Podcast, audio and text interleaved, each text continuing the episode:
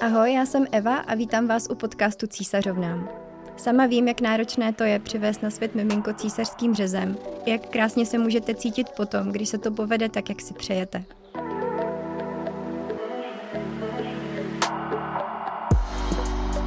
Tenhle podcast vznikl proto, abychom v něm opečovali všechno, co je potřeba opečovat a otevřeli v něm věci, které vám pomohou se na porod aspoň trochu připravit. Partnerem celé podcastové série je e-shop maluna.cz, na kterém najdete vůbec největší výběr menstruačních pomůcek a pečujících produktů pro ženy. Tento podcast by nevznikl také bez podpory 412 přispěvatelů, kteří nás podpořili v rámci naší kampaně na Doniu. Moc vám za to děkujeme. Může se stát, že se při otevírání některých témat nechtěně dotkneme něčeho, co právě vás bolí nebo trápí. Pokud se tak náhodou stane, klidně si dejte od poslouchání pauzu anebo nám napište, pokusíme se pomoct.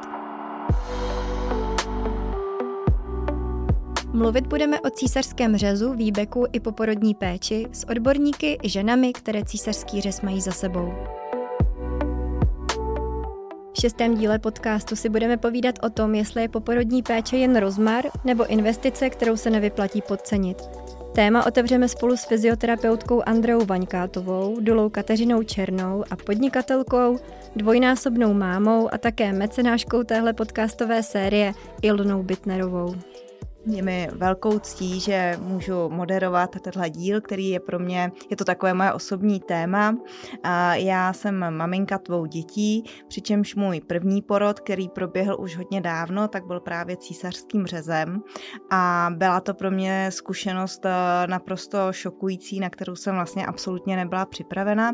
Jednalo se o akutní císařský řez, ze kterého jsem se potom jako velmi dlouhou dobu zpamatovávala, vlastně bez jaké jakékoliv pomoci, ať už eh, odborné, tak vlastně eh, pomoci z mého okolí, protože moje okolí určitě to všichni mysleli dobře, ale hláška typu, tak eh, hlavně, že to dobře dopadlo a jste oba zdraví, tak to, když jsem byla rozříznutá až na dělohu, tak to opravdu nebylo, že bych se cítila, že jsem zdravá. Když jsem se z trochu z toho jako zpamatovala, tak jsem potom po téměř devíti letech měla druhé dítě, které jsem vlastně díky věrce Marce Novákové, díky její pomoci jsem porodila eh, syna normálně a cítím to tak, že to částečně jakoby mi pomohlo se vyrovnat s tím traumatem z toho prvního porodu, i když samozřejmě byl to opravdu tak jako silný zážitek, eh, že to ve mně zůstává do dneška.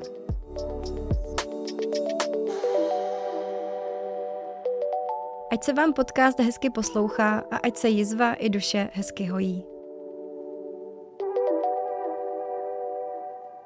Já když jsem narazila na projekt Císařovnám, tak jsem byla úplně nadšená, protože jsem si říkala, jo, prostě já si uvědomuji, jak je to nesmírně jako důležité o tomhle mluvit a o ty ženy vlastně pečovat, říct jim, že různé pocity můžou přijít a že je to normální a že jsou tu lidé, kteří s tím můžou pomoci. A takže jsem ráda, že si dneska můžeme popovídat právě o tom, co mě absolutně chybělo v té době po císařském řezu. Takže úplně jako nejdřív a ať už se jedná o císařský řez nebo vůbec o péči po normálním porodu, po vlastně po tom přirozeném porodu, a, tak a, jakým způsobem nebo co si můžeme představit a, pod pojmem poporodní péče? Asi se ujměte slova, která to víc cítíte. Tak já to asi klidně vezmu za sebe. Já jsem teda fyzioterapeutka a ke mně chodí ženy, nebo uh, teďka už se to teda hodně mění, ale chodily mi ženy většinou až po tom šesti nedělí, uh, po tom císařském řezu. A jsem ráda už teďka, že chodí i dřív, a že si řekneme už po třech týdnech, po dvou týdnech, co můžou dělat. Když mi chodí i před porodem, tak si říkáme už pár hodin po tom porodu, co můžou pro sebe udělat, co můžou udělat pro tu jizvičku. A vlastně ta poporodní péče um, funguje vlastně tak, že um, pokud vidím poprvé ženu vlastně po tom císařském řezu, nechodila mi, nechodila mi do terapie předtím, tak uh, si celkově řekneme, proč k tomu uh, řezu došlo, jestli to byla akutní sekce, nebo zda to bylo plánované. A jak se obecně s tím zžila, jak vnímala celou tu situaci, celý ten porod, jak to probíhalo, a jestli přijala jizvičku, jak to všecko vnímá, jak se i zžila s miminkem, jak to všecko, jak to všechno probíhá, abych měla i představu o tom, jaký je vlastně to její rozpoložení, že uh, to není jenom o té jizvě, uh, čistě jako, když to vezmu mechanické, ale i o tom jejím rozpoložení. A, takže se zabíra, zaobíráme jak uh, tou jizvičkou, tou práci s ní, tak i vlastně o nějakém nastavení režimovém, doma, jak se to třeba uspůsobit, jak manipulovat s miminkem, a celkově se koukáme na ženu jako na ten komplex. Takže asi, asi takhle to je za mě, pak eh, je to hodně individuální a nějaká specifika a to potom má podle toho třeba, jak se ta jízva hojí a, a podobně, ale koukáme na tu ženu jak z toho fyzického hlediska, tak i, i z toho, jak to celkově prožívá a jak to všecko vlastně, eh, vlastně zvládá. Děkuji. A já se, Katko, teď zeptám tebe. A asi si víc než Andrejka u, vlastně přímo v té nemocnici, když k tomu, když k tomu dojde, ať už třeba je to teda ten akutní císař, anebo pokud je to třeba připravované. Jak je mm, ošetřeno to, aby ta žena měla informace dopředu, pokud je to vlastně připravovaná operace a jak vlastně vůbec v těch nemocnicích dostává ty informace i od lékařů, personálu, nebo jenom od tebe, jaké jsou tvoje zkušenosti vlastně přímo ten třeba prostě ty první dny, první týden, pokud k té sekci dojde? Moje zkušenost je taková, že já vlastně primárně pracuji s ženama po císaři, takže to je většina mých klientek, který se zpravidla snaží o výbak. A ten důvod vlastně, proč, malinko odbočím, eh, ten důvod, proč eh, se primárně věnuju císařovnám je právě ten, že jsem si sama prošla císařem a následně úspěšným výbakem a tahle cesta mě vlastně dovedla právě k práci Duly a tohle to téma tak nějak se mnou zůstává, takže um, proto většina mých klientek jsou ženy po sekci. A co se týče té tý otázky, tak uh, ta uh, úplně poporodní péče těsně po tom uh, císařském řezu ze strany personálu nemocnice, tak uh, ty informace jsou fakt uh, zatím ve většině porodnic velmi, velmi uh, špatný. Ty ženy nedostávají v podstatě jako žádný relevantní informace. Uh, občas, když odchází, tak dostanou třeba nějaký papír, kde jsou popsaný C, Sčka a, a tím to tak jako víceméně končí a že si mají tu jizu sprchovat, což samozřejmě nejsou vůbec jako informace, které uh, by byly komplexní.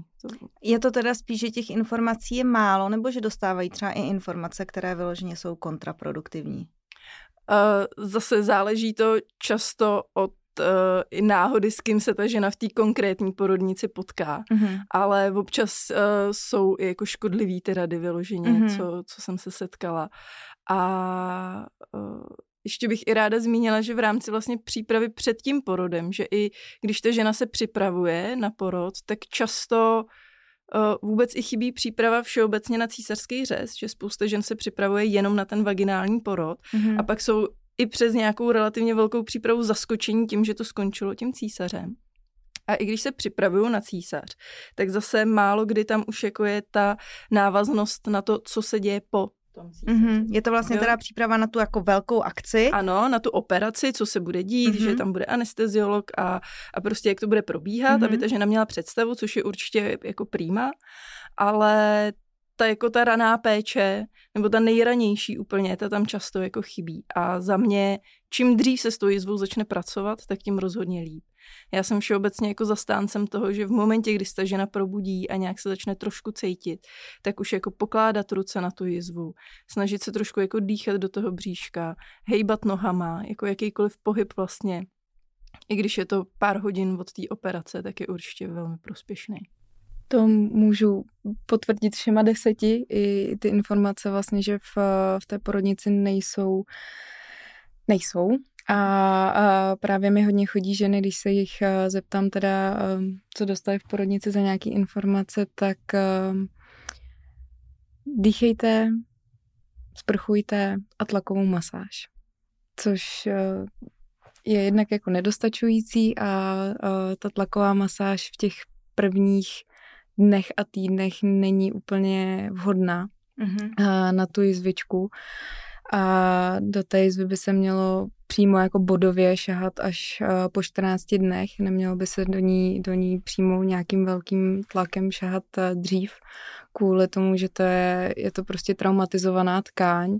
A když tam vytvoříme vlastně i schémy a začne se to tam všechno tady tím dalším vlastně jako velkým tlakem a dalším jako lehce traumatem, a, tak a, tam můžou vznikat potom nějaký mikrotrhlinky v té nově se a, tvořící tkání a může, může pak a, docházet k nějakému trošku patologičtějšímu hojení, takže právě jak říkala Katka, je, je lepší určitě jako šáhat na tu jizvičku plošně, dotýkat se jí, dýchat, dýchat určitě pod tu jizvičku, zvědomit si vůbec obecně to tělo, to bříško, tu oblast a s tou jizvičkou plošně, plošně, plošně pracovat. Jako samozřejmě nějaké pohyby e, určitě jo, ale je to plošný, lehký tlak, není to, není to ta bodová masáž až vlastně do zbělání skoro konečků prstů.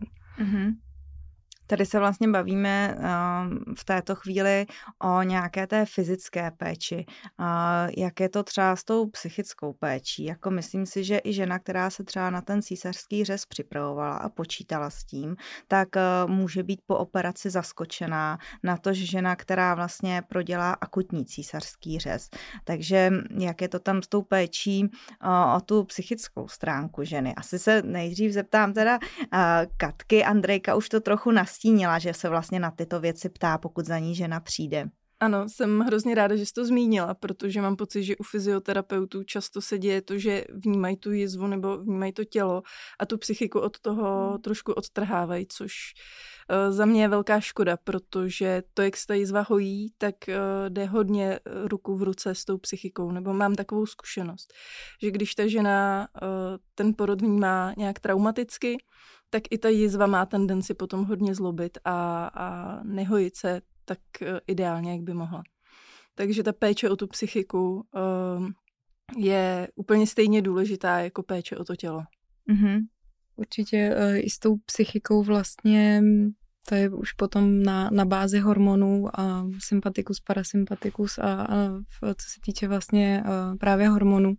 A ty právě ovlivňují hojení té, té jizvičky, takže vlastně takový ten, takové to pohodovější nastavení vlastně mysli, kdy se nám nevyplavují tolik ty stresové hormony, které nás připraví na tu akci nějakou, tak, tak tyhle ty stresové hormony jsou, jsou spíš jako škodlivější a pro hojení té jizvičky, takže to chce přesně takovou tu pohodu, klid a vlastně trošku obecně zžívání, jak s miminkem a tak právě jako s jizvičkou a můžu i tak nějak potvrdit, že ženy, co tak nějak nepřijali, nepřijali tu, tu jizvičku, tak je to takový zdlouhavější to hojení. Ne, neřekla bych, že, eh, nebo záleží, kdy to, kdy to jako začnou, začnou řešit. Samozřejmě, když to začnou řešit eh, dřív, že si řeknou, jo, tak chci s tím něco dělat a nechci mít potom nějaké, nějaké potíže,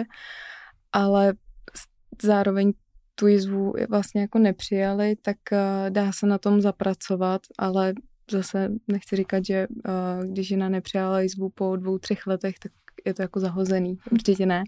Mm-hmm. Se, vším, se vším se dá, se dá pracovat, ale taky pracujeme i na tom přijetí trošku mm-hmm. té jizvy a nenutím ženu hnedka, když se jí to občas opravdu jako hnusí si na tu jizvu šáhnout, tak uh, pracujeme jinak přes látku, přes nějaké pomůcky, aby se tam ta péče dostala, ale zároveň, aby jí to nevyvolávalo ty pocity, že, že je z toho špatně, a fyzicky i psychicky se jí prostě dělá, dělá nevolno, takže na tom, na tom vlastně pracujeme i, i touhle cestou.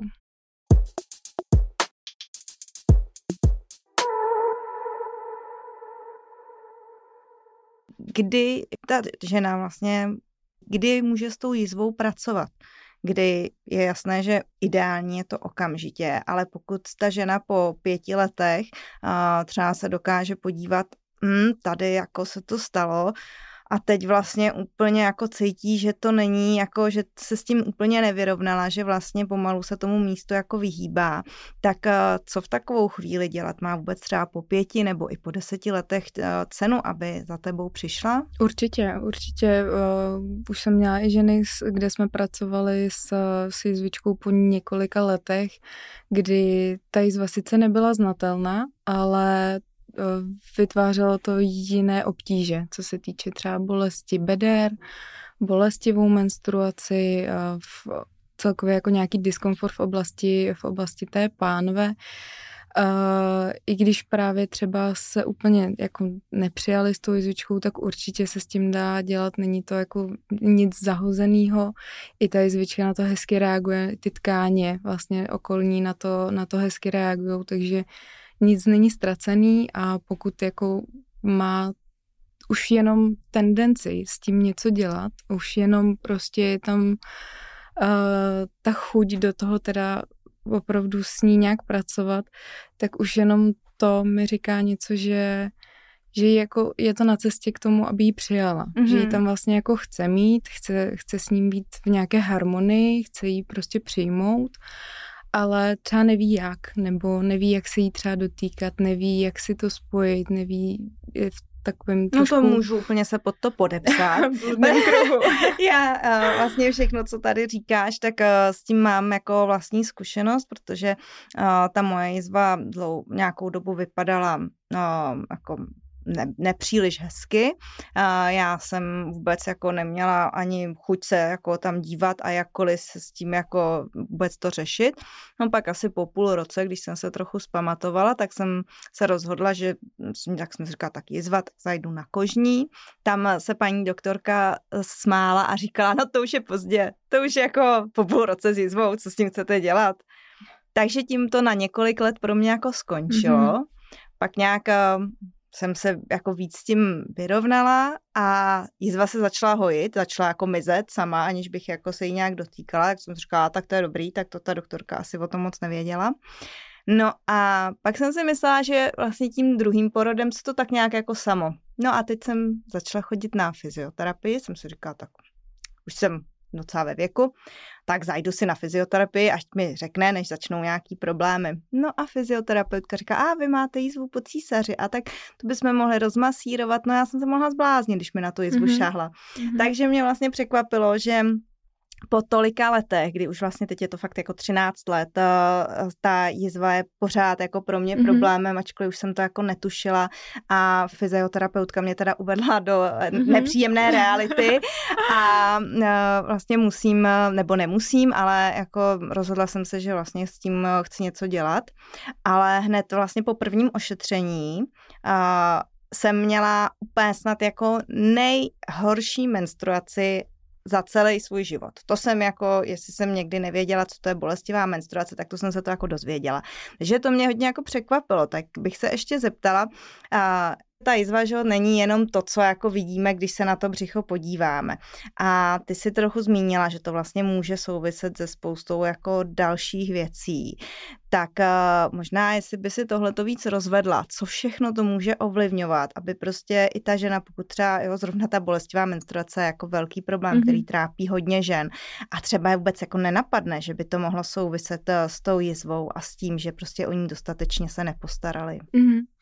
Uh, tam je obecně jako důležitý, ještě jenom bych se vrátila k tomu, jak si říká po půl roce, že se byla na kožním, tak bych jenom ráda řekla, že ta jizva, i když se hojí hezky, fyziologicky, není tam žádný problém, problém, tak ten kolagen vyzrává rok až rok a půl. Mm-hmm. Takže taková ta intenzivní péče uh, o tu jizvičku by měla být zhruba v tomhle tom období. Když pak je třeba hypertrofická nebo něco, tak se hojí ještě třeba až dva roky vlastně vyzrává, takže půl roku je uh, opravdu krátká doba. Takže ta informace takže, byla úplně špatná prostě. Řekla bych, že ano. takže uh, to bych jenom, jenom takhle jako ráda řekla, že uh, tenhle ten časový rozestup je uh, krátký a po celou tu dobu, ten rok a půl, chce to takovou intenzivnější jako péči a pak po celý život, protože ta jizva má tendenci se kontrahovat, má tendenci prostě um, je to méně cená tkáň, mm-hmm. než, než eh, prostě uh, ta ty jiné tkáně, když to takhle řeknu. Ty nepoškozené. Ty nepo, netraumatizované. Ano. takže, takže vlastně je to taková trošku celoživotní péče uh, o tu jizvičku. A co se týče těch eh, vrstev, tak uh, je hrozně důležitý si uvědomit, kolik vrstev při tom císařském řezu je proťato. A já hodně ráda i používám takový obrázek uh, nakreslený, kde tam jsou ty vrstvy hezky, hezky vidět, že vlastně tam dochází k protití jak kůže, podkoží, potom uh, fascí se rozestoupí vlastně ten přímý břišní sval, potom se protíná uh, peritoneum po břišnice, uh, odkloní se močový měchýř a protne se, protne se děloha. Takže je důležité si uvědomit, kolik těch jízev tam vlastně je, že my sice vidíme jenom tu jednu, ale v té hloubce jich je, jich je několik. Takže uh, to tam může taky dělat ty uh, trošku ty obtíže a samozřejmě jsou tam tendence ke srůstům, je to břišní operace, je tam právě hodně vrstev, potřebujeme, aby ty vrstvy po sobě se hezky hýbaly, proto je důležité i ten dech v těch prvních hodinách po porodu, aby eh, jsme tím dechem rozpohybovali vlastně ty vnitřní orgány a ty vrstvy, eh, které v tom eh, břiše jsou, tak aby tam byl nějaký ten přirozený pohyb. Proto i včasná vlastně vertikalizace po tom císařském řezu je důležitá, protože tím pohybem, tou chůzí se to všechno začíná trošku, trošku hýbat a co to může potom do budoucna ovlivnit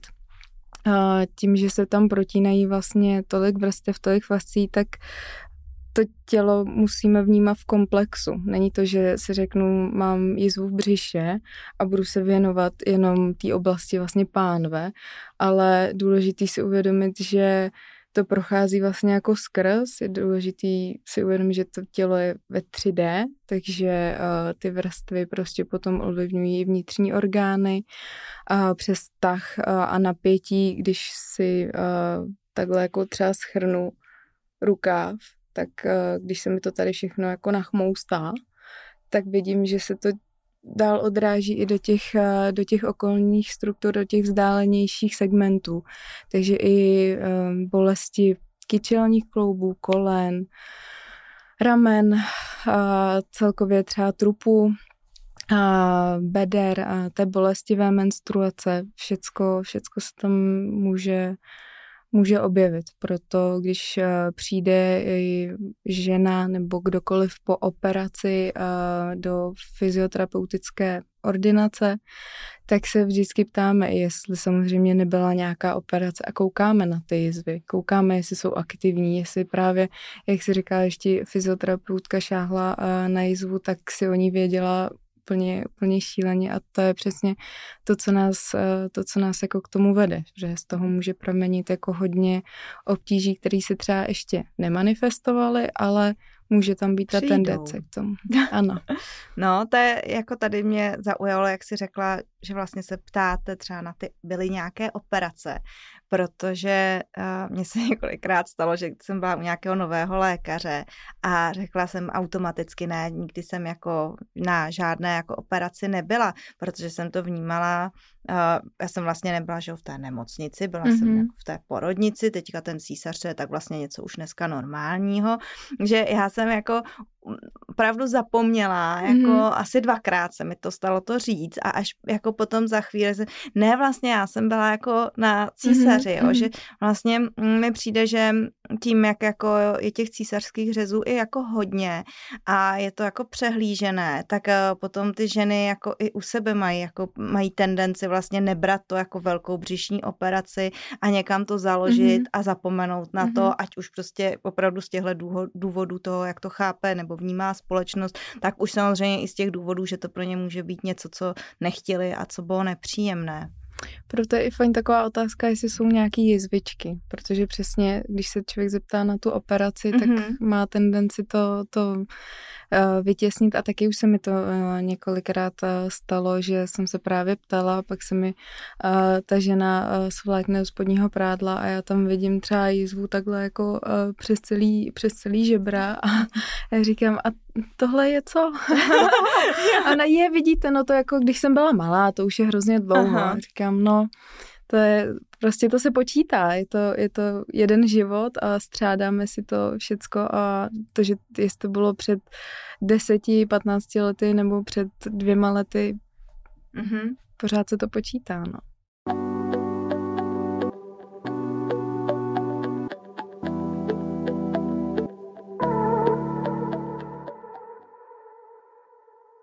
Na webu císařovnám.cz jsme ve spolupráci s porodní asistentkou Anou Kohutovou zpracovali obsáhlou stránku plnou informací a typů, jak podpořit hojení jizvy po císařském řezu. Ať už jste po porodu čerstvě nebo už delší dobu, určitě koukněte, co dalšího můžete pro svou jizvu udělat, aby byla krásnější a spokojenější. Já sama jsem po svém prvním porodu císařským řezem dlouho hledala, eh, čím se o svou jizvu starat a mazat si to vyškvařeným vepřovým sádlem, jak mi doporučili v porodnici, mi nepřišlo úplně důstojné. Tak jsem hledala a hledala, až nakonec jsem se spojila s jednou skvělou českou firmou, která nám vyrobila olejové sérum císařovnám na míru. Můžete si ho koupit u nás na e-shopu a třeba si k němu přihodit i něco navíc. Veškerý zisk z prodeje putuje na rozvoj projektu a dává nám také možnost pro vás tvořit další osvětový obsah, třeba další série tohohle podcastu.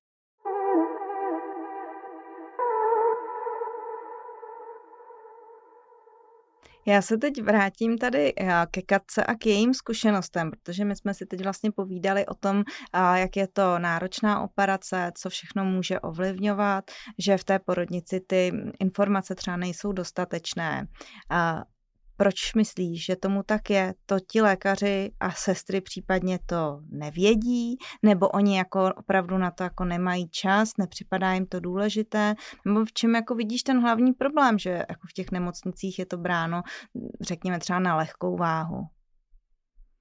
To je dost těžká otázka. To by byla otázka spíš na ten personál.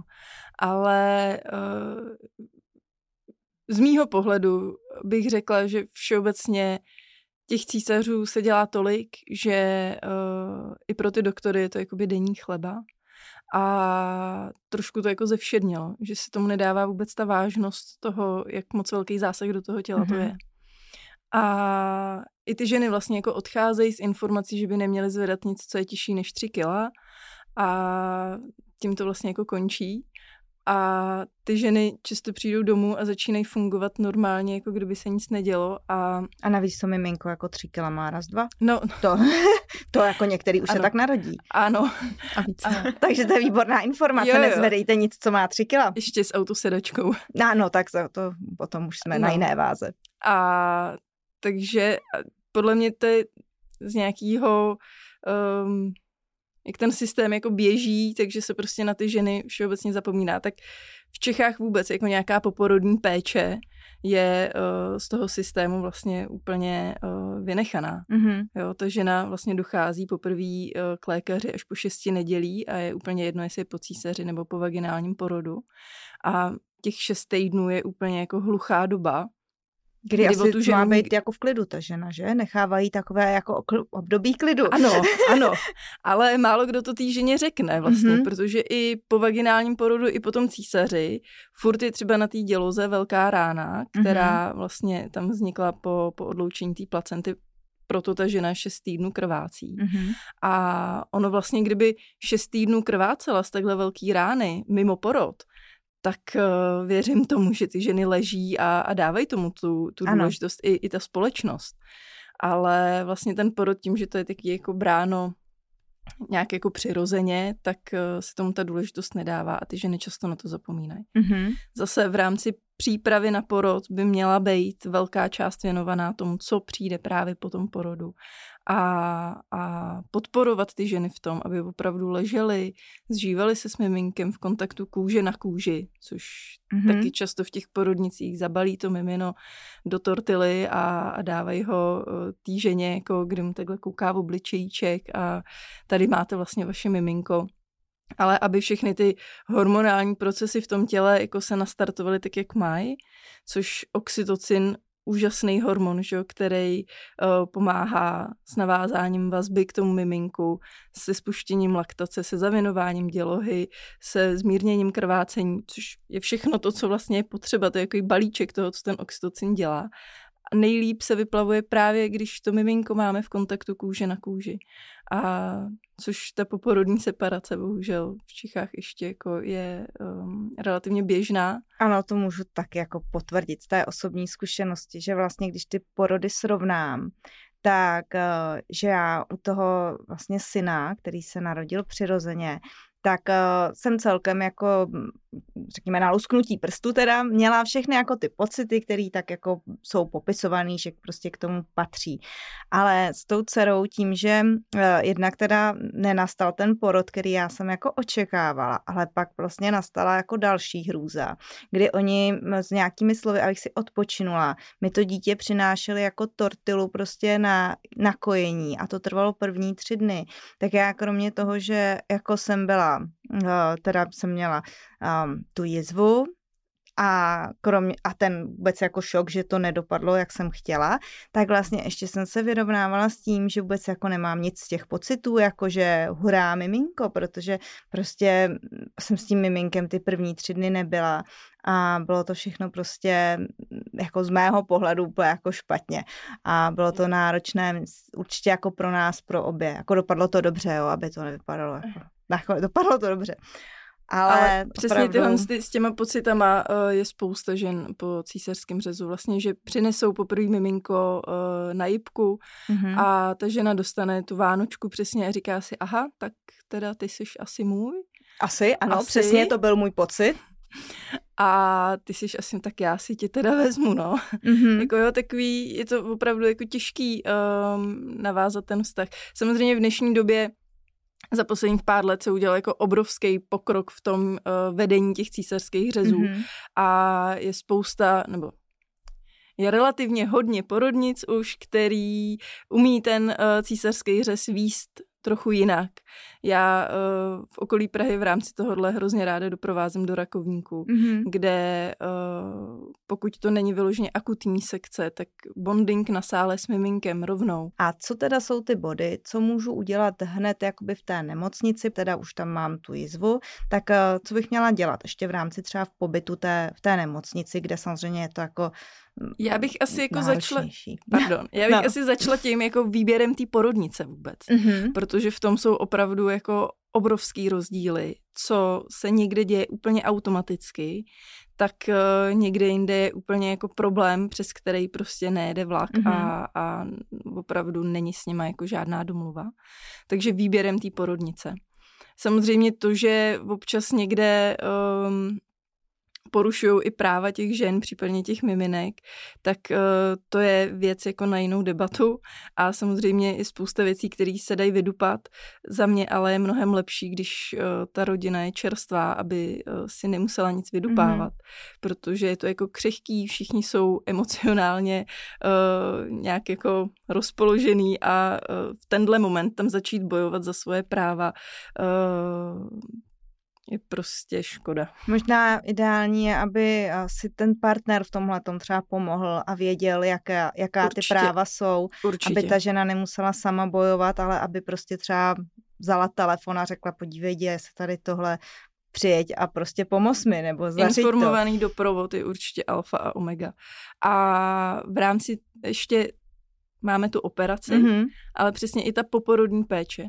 Takže uh, ideálně, když mají víc nadstandardních pokojů, kde ten partner může být s tou ženou, mm-hmm. uh, přesně třeba v tom rakovníku, ale i v jiných uh, mimo pražských porodnicích, ta žena uh, nejde na jibku, pokud je v pořádku, jde rovnou na pokoj, pokud je volný ten nadstandard, tak uh, tam může být s tím mm-hmm. partnerem i s tím miminkem a k té separaci tam nedochází vůbec. Mm-hmm.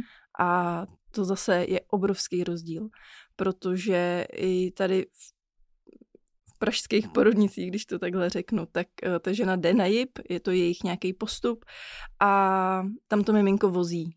Ale vozí ho po třech, čtyřech hodinách, přes noc se zpravidla nevozí vůbec a ta žena z pravidla stejně to není tak, jako že by odpočívala, protože um, tam leží, kouká do zdi a přemýšlí nad tím, uh, kde je jejich miminko a co asi teďka dělá.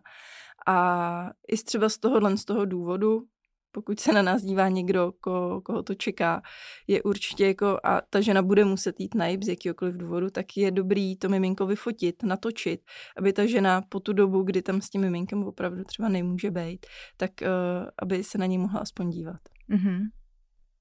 A k té teda péči o tu jízvu ještě v rámci té porodnice, co můžu jako udělat, aby abych, pak ne, abych si pak neříkala, ježiš, tak to jsem zanedbala, to jsem nevěděla, že bych už v té mm-hmm. porodnici tohle mohla udělat. Jo, tak uh, to jsem vlastně zmiňovala. Hnedka, co, co to půjde, tak prostě se snažit třeba hýbat nohama, snažit se nějak polohovat. Uh, ty ženy si často bojí, protože přece jenom ono to bolí, že jo, jako... Mm-hmm hnedka po tom porodu, bolí to jako hodně, nebo potom císaři.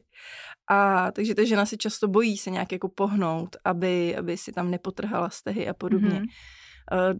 Dá se opravdu polohovat uh, i hned po tom císařském řezu, třeba na bok, samozřejmě s dopomocí, mm-hmm. jo, ale uh, nemusí se žena bát, jako, že při takových pohybech si nějak jako závažně ublíží. Takže pokrčit si nohy, snažit se prostě třeba aspoň těma nohama nějak jako hýbat, mm-hmm. uh, položit si tu ruku na tu jizvu, ten dech tam vést. To, to se bavíme opravdu jako klidně dvě hodiny po císařském řezu. Mm-hmm. Jde tohle to dělat. Samozřejmě včasná vertikalizace, kterou Andrej tady zmiňovala. Čím dřív, tím líp.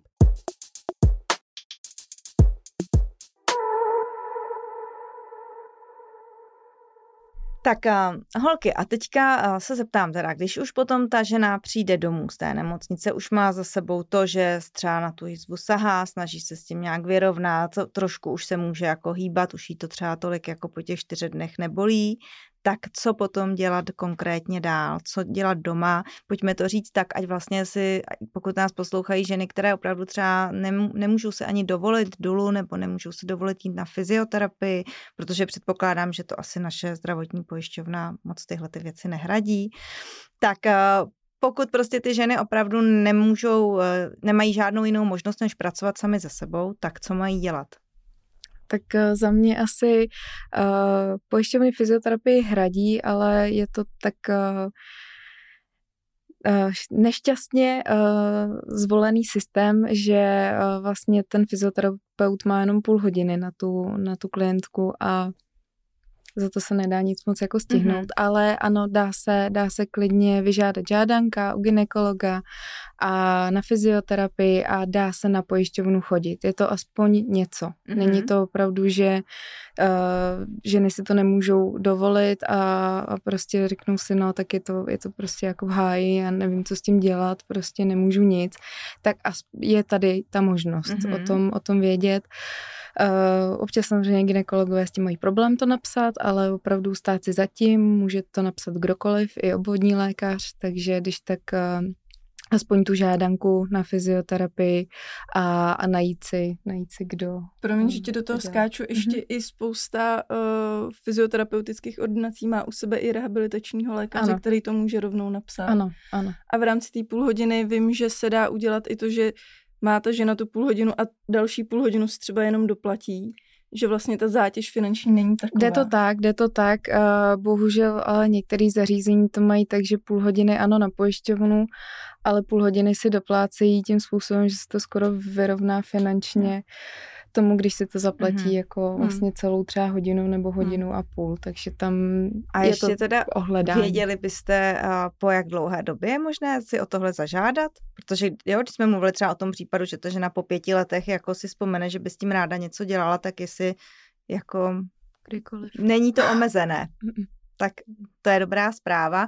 Nicméně stejně některé ženy i třeba z důvodu, že mají těch dětí víc, tak se nedostanou mm-hmm. k nikomu, kdo by mm-hmm. jim pomohl. Takže co můžou dělat doma? Uh, doma určitě, jak už jsme o tom několikrát mluvili, ten dech je celkově jako hrozně velký pomocník. On se na něj zapomíná, bagatelizuje se, ale je to opravdu něco, co hodně, hodně pomáhá. No opravdu, když se jenom jako ta žena lehne na záda s pokrčenýma nohama, prodýchá se do toho, zvědomí si to, tak to udělá hodně velkou práci. Uh, další věcí je uh, šahat na tu jizvu, hýbat plošně, potom bodově, uh, natahovat nohy, celkově třeba se jenom napřímit, jenom se jako zvednout, protože vlastně tu ženu to nutí trošku k tomu být v tom tom ochranném držení, mm-hmm. vlastně chránit si tu jizvu.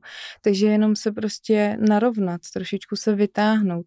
A za mě je hodně velký pomocník v těch prvních týdnech je šátek zavinovací mm-hmm. nebo rebozo, kdy samozřejmě maminka musí manipulovat s tím miminkem, jako když má potom ještě už doma starší, starší jedno dítě, tak jako vysvětlit samozřejmě tomu staršímu dítěti, hele, já tě teď jako nemůžu tahat, tak uh, je to náročný, takže uh, buď si najít nějaký způsob, že se budou třeba mazlit na gauči společně všechno nebo tak, ale když chodí na procházky nebo chtějí třeba miminko vázat do šátku nebo dávat potom později do nosítka, tak si zavázat to bříško. Samozřejmě těch úvazů je hodně, ale stačí si jenom plošně přes to bříško obvázat, vzadu překřížit, vepředu prostě znova stáhnout a vzadu udělat uzlík.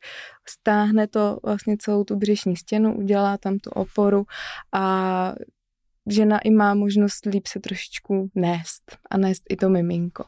Takže to je, eh, to je jedna možnost. Ehm, další možnosti jsou eh, samozřejmě eh, hodně jako i pracovat intuitivně, ať se ty ženy nebojí, že se něco stane s tou jizvou. Ta, ta jizva už prostě potom, potom šesti nedělí, neříkám, že je zhojená, ale nemůže se tam, když se hojí fyziologicky, nebyl tam žádný hnis a takový, to už je zase trošku uh, debata na něco jiného. Mm-hmm. Bavíme se o té jizvě, která se hojí fyziologicky tak eh, šáhnout na tu jizvu a intuitivně ji masírovat, mazat hlavně, to můžeme mazat už, už po prvních vlastně týdnech nějakými hojivými no, olejčky. No, chtěla, přesně jsem se chtěla zeptat, jestli můžeš doporučit něco konkrétního, uh, čím třeba mazat a co třeba rozhodně na tu jizvu nedávat. Uh, mazat třeba třezalkový olej, ten s tím mám výbornou zkušenost, ten je moc, moc fajn, měsíčková mast, uh, případně jsou uh, potom třeba pak po, po měsíci nějaké silikonové gely, a nebo hodně maminky využívají i co mají olejčky na děti, takže mm-hmm. tím, že třeba mažou, mažou miminko, tak si potom jako promažou i tu jizvu. Samozřejmě je lepší, když to dělá vědomně a, a tak, ale když už má třeba umazaný ruce během toho dne mm-hmm. a jizvičku si opečuje třeba ráno a večer, protože ví, že na to má trošku prostoru, tak během toho dne prostě si to třeba, třeba taky jako promazat a Doporučuji i hodně hyaluronové sérum, které na to, na to hojení jizvičky taky pomáhá kvůli hydrataci a, a celkově vlastně uh, vztahování ty jizvy. A nedoporučuji úplně nějaké extra parfumované krémy, oleje, co opravdu je takové jako trošku dráždivější. Tak Spíš to není... teda nějakou přírodní prostě kosmetiku. Jo, něco přírodnějšího. Jsou samozřejmě i krémy na, přímo na jizvy, mm-hmm zase trošku se to odráží v ceně, je to malinko u některých výrobců samozřejmě biznis, takže na to si, na to si taky jako dávat pozor, ať nějakou malou tubičku prostě, která stojí 600 a vyjde vám to na 10 namazání asi, asi není úplně jako To se tady hodný. je ale i ten aspekt toho jako uznání, že vlastně něco se stalo a tak si dopřeju něco speciálního pro sebe. Může být. Samozřejmě podívat se po něčem ano. kvalitním. tak v tenhle moment bych doporučila olej tady od císařovna. Ne, ano, eh, to si, ano, s tím naprosto souhlasím. Ne, je to tak prostě. Ale vlastně za mě třeba ty parfémy, všechno, ale jako přírodní rostlinný olej, mm-hmm. který uh, lisovaný za studena ideálně, uh, který má vitamíny a, a prostě spoustu jako věcí mnohem lepší než nějaký chemický bepanten, mm-hmm. ropný produkty a podobně. Uh, já jako Dula si to můžu dovolit tady říkat takovýhle ezo věci. Určitě. Ale, ale jinak ty jsi mi vlastně vzala i můj šátek, který bych Pardon. řekla, jako, že spadá k dulám víc možná. Ale určitě ta podpora té břišní stěny uh, ty ženy i určitě jako ocení. Já právě doporučuji třeba ten šátek vzít už rovnou do té porodnice. Mm-hmm. Při cestě z porodnice, kdy ta žena jede autem a, a každý, každý, uh, každá díra v silnici vlastně je velmi jako bolestivá mm-hmm. nebo taková jako citlivá tak uh, podpořit tu břišní stěnu už vlastně uh, hnedka v té porodnici. Mm-hmm. Jenom je dobrý nenosit ten šátek pořád, mm-hmm. aby, aby ty uh, svaly jako nezlenivěly trošku, ale Uh, přesně při delších procházkách, nebo když ví, že bude mm-hmm. vařit a bude díl stát, tak prostě podpořit, podpořit to bříško a celý střed těla vlastně, není to jenom o bříšku. Mm-hmm. Mě to teda tady taky nedá. Uh, já totiž uh, u mě na e-shopu mám značku Mody Body a oni kromě toho, že teda vyrábí menstruační a inkontinenční prádlo, tak právě se také hodně jako starají o, o maminky. A právě tam máme produkt, což jsou stahovací poporodní kalhotky, které vyloženě jsou právě na tu dobu po porodu, kdy můžou pomoci právě s tím letím. Myslím, že je důležité, že si zmínila vlastně nenosit to pořád, ať už je to u toho šátku nebo třeba u těch poporodních kalhotek stahovacích a opravdu jako nechat um, si ten prostor i, abych teda na tom pracovala, aby se to všechno dostalo ideálně do nějakého jako stavu, co bylo před tím porodem. Je. A já bych ještě uh, doplnila možná, že za mě, předpokládám, že budeš souhlasit, je mnohem lepší uh, ta vědomá péče samozřejmě, mm-hmm. než jako, no tak nějak si to jako namažu a prostě jo, už jsem se to upečovala, tak vědomě mm-hmm. opravdu šahat do té jizvy, ale i jako klidně menší časový úsek, ale každý den, mm-hmm. než třeba jednou za týden si tu jizvu jako zmasírovat uh, do bezvědomí. tak spíš jako kratší úseky, třeba dvakrát, třikrát za den klidně i, ale dvě minuty se tomu pověnovat, nebo třeba jednou za den, tři, čtyři minuty, než prostě jednou za čas tomu dát jako pořádně zabrat, tak spíš ta pravidelná mm-hmm. péče. Jaký máš názor třeba o zapojení do téhle péče partnera, a ukázání té jizvy třeba s těm ostatním dětem, které tam jsou, mluvení o tom, co se stalo třeba se svojí maminkou nebo kamarádkou? Tak uh, určitě sdílení je uh, součást terapie. Mm-hmm. Uh, tam hodně záleží potom na té ženě, jak je na tom právě psychicky. Uh, v rámci té psychiky a péče o té jizvě jsem ještě jizvu jsem chtěla zmínit uh, to, že občas pro ty ženy, když ten porod byl traumatický, uh, tak, nebo ten císařský řez vnímají jako traumatický, tak vlastně jako šáhnout do té jizvy jim může jako blokovat v tom ta hlava hodně. Mm-hmm. Ano, potvrzuji. A potom uh, vlastně je potřeba jít na to velmi, velmi jako opatrně, aby nedošlo k nějaký retraumatizaci. Mm-hmm. Takže pokud já si šáhnu do jizvy a začnu plakat u toho, klidně jako přerušit, vyplakat se a jít na to jako postupně a pomalu. Mm-hmm. Jo.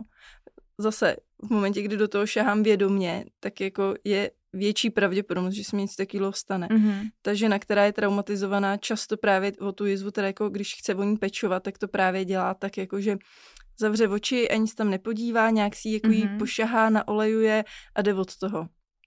Ale ta psychika s tím tělem jako je spojená, takže mm-hmm. často přesně ženy, který mají nějaký psychický, uh, nějaký psychický trauma, tak uh, i když tu jizvu oni pečujou vlastně, tak furt je tam nějaký stažení, který já mám zkušenost, že vychází právě z té psychiky. Že když uvolní tu hlavu, tak se uvolní potom i ta jizva.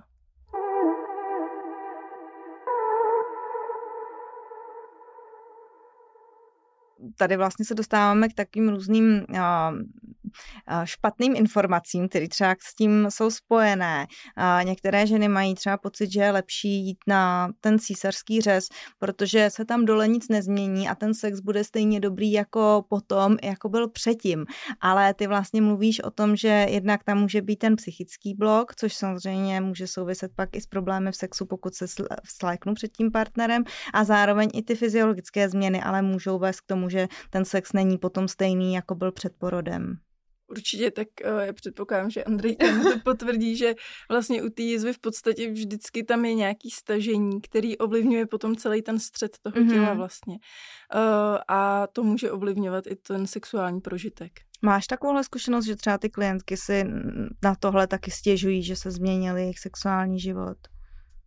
Mm, je to dost tabu to u nás tam. vůbec o těchto věcech jako mluvit, ať už spojených je, s tou já vizuální ty stránkou. Ty otázky nebo... jako pokládám, mm-hmm. i, když je to, i když je to vlastně hodně intimní, a tak tyhle ty otázky prostě u nás, u nás to tady je prostě dělá ten komplex té ženy a někam nás to i vede, kam na co se zaměřit. Takže ano, bývá, bývá to, že vlastně uh, se před tím můžem trošku jako i stydí a uh, jako popisují občas nějaké, nějaké bolesti při pohlavním styku, nejčastěji třeba no, vlastně jako spíš v hloubce. Mm-hmm. Uh, takže tam je to napětí a, a stažení, takže to, to občas jako popisují. Tam je hlavně důležitý říct, že uh, na to pánevní dno uh, nemá vliv jen jako ta jizva, ale celkově to těhotenství. Mm-hmm. Že uh, to, že jako žena neporodí vaginálně a nemá poranění uh, v oblasti toho pánevního dna, uh, tak to neznamená, že je to pánevní dno v pohodě, mm-hmm. nic se tam jako nestalo, tam je hrozně velká zátěž už v tom těhotenství. Ten porod už je potom taková jako třešnička na dortu. Samozřejmě někdy je to uh, závažnější poranění, větší, takže tam, tam je to jiná situace, ale uh, to těhotenství veme si, co to s tím tělem dělá. Mm-hmm. Ty hormony, na který to tělo prostě na to, třeba když je to první těhotenství, tak na to nezažilo. A ty hormony uh, vlastně uh, mají vliv na celé to tělo, na všechny tkáně a je tam velká zátěž, zátěž na, na tu pánev, na tu pánevní, mm-hmm. no už jenom to, že je tam miminko, plodová voda, ta děloha se několikanásobně prostě zvětšuje a potom se zase zavinuje, takže ty změny tam jsou strašně velký a jenom tohleto má mm-hmm. vliv, uh, vliv na ten já se ještě zeptám, protože ty pracuješ určitě jako s celou tou rodinou, jako hlavně samozřejmě s tou ženou, ale vidíš i ty ostatní členy té rodiny. A pokud by nás sledoval teď i nějaký muž a vlastně byl v rozpacích po tom, co jeho žena prodělala císařský řez, kdy třeba může se jí dotýkat, kdy jako co vůbec jí má jako říct, jak jí může podpořit, tak co bys poradila mužům, jak vlastně můžou s tou svojí ženou komunikovat po císařském řezu? Určitě poslouchat, poslouchat, poslouchat. Ty ženy často o tom chtějí mluvit a aktivně poslouchat. Mm-hmm. To uh, je vlastně hrozně moc, co může pomoct a pečovat o tu ženu, což vlastně i když není po císařském řezu, tak uh, ta péče od toho partnera by tam uh, ideálně po dobu toho šesti nedělí měla být. Chápu, že musí chodit do práce, že mm-hmm. otcovská je teďka týden, 14 dní už. Mm-hmm. Uh, tak uh, prostě ale jako snažit se zařídit jídlo, uh, úklid nějaký aspoň částečný a, a případně o toho staršího potomka se snažit starat a neskutečnou trpělivost mít, protože i pro ty starší děti to bývá hodně náročný, když mm-hmm. přijde ten mladší sourozenec a často uh, jsou jako velký výbuchy vzteku, pláče a podobně, ale vlastně pro to dítě je to jenom tak náročná situace, mm-hmm. že neví, co si s ní počít a v tenhle moment, když to chceme co nejdřív jako, aby to dítě bylo zase v pohodě, tak než na něj křičet a, a nadávat mu nebo něco takového, tak obejmout a lásku, lásku, lásku. Mm-hmm.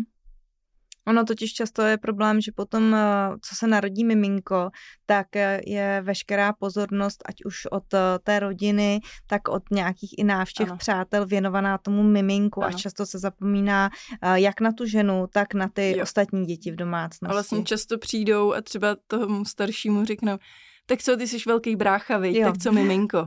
A vlastně to dítě je najednou takový neviditelný trošku, což i ta žena, mm-hmm. ale vlastně se říká, že po příchodu nebo i odchodu nějakého člena rodiny, že se celá rodina musí na chvíli rozpadnout, aby si tam každý potom mohl najít svoje nové místo.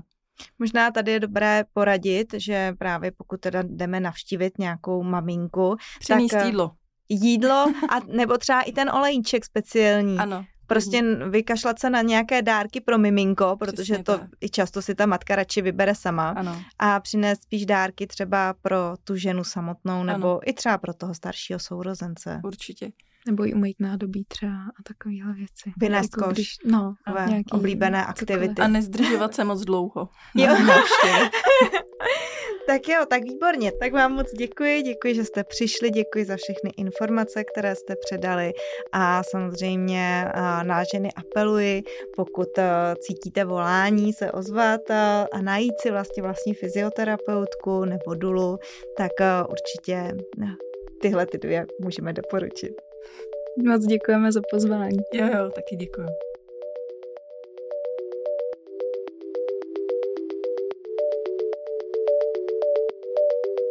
Díky, že jste nás poslouchali a díky také e-shopu Maluna, který vznik podcastové série podpořil a navíc nám pro vás zařídil 10% slevu na nákup s kódem CISAROVNÁM 10. Slevu můžete využít na vše, kromě již zlevněného zboží a platí až do konce roku 2024. Pokud se vás téma císařského řezu týká, připojte se k naší Instagramové komunitě nebo mrkněte na www.císařovnám.cz, kde na vás čeká spousta dalšího obsahu. Budeme také rádi za hodnocení podcastu, komentář nebo tip, jaké téma otevřít v další sérii.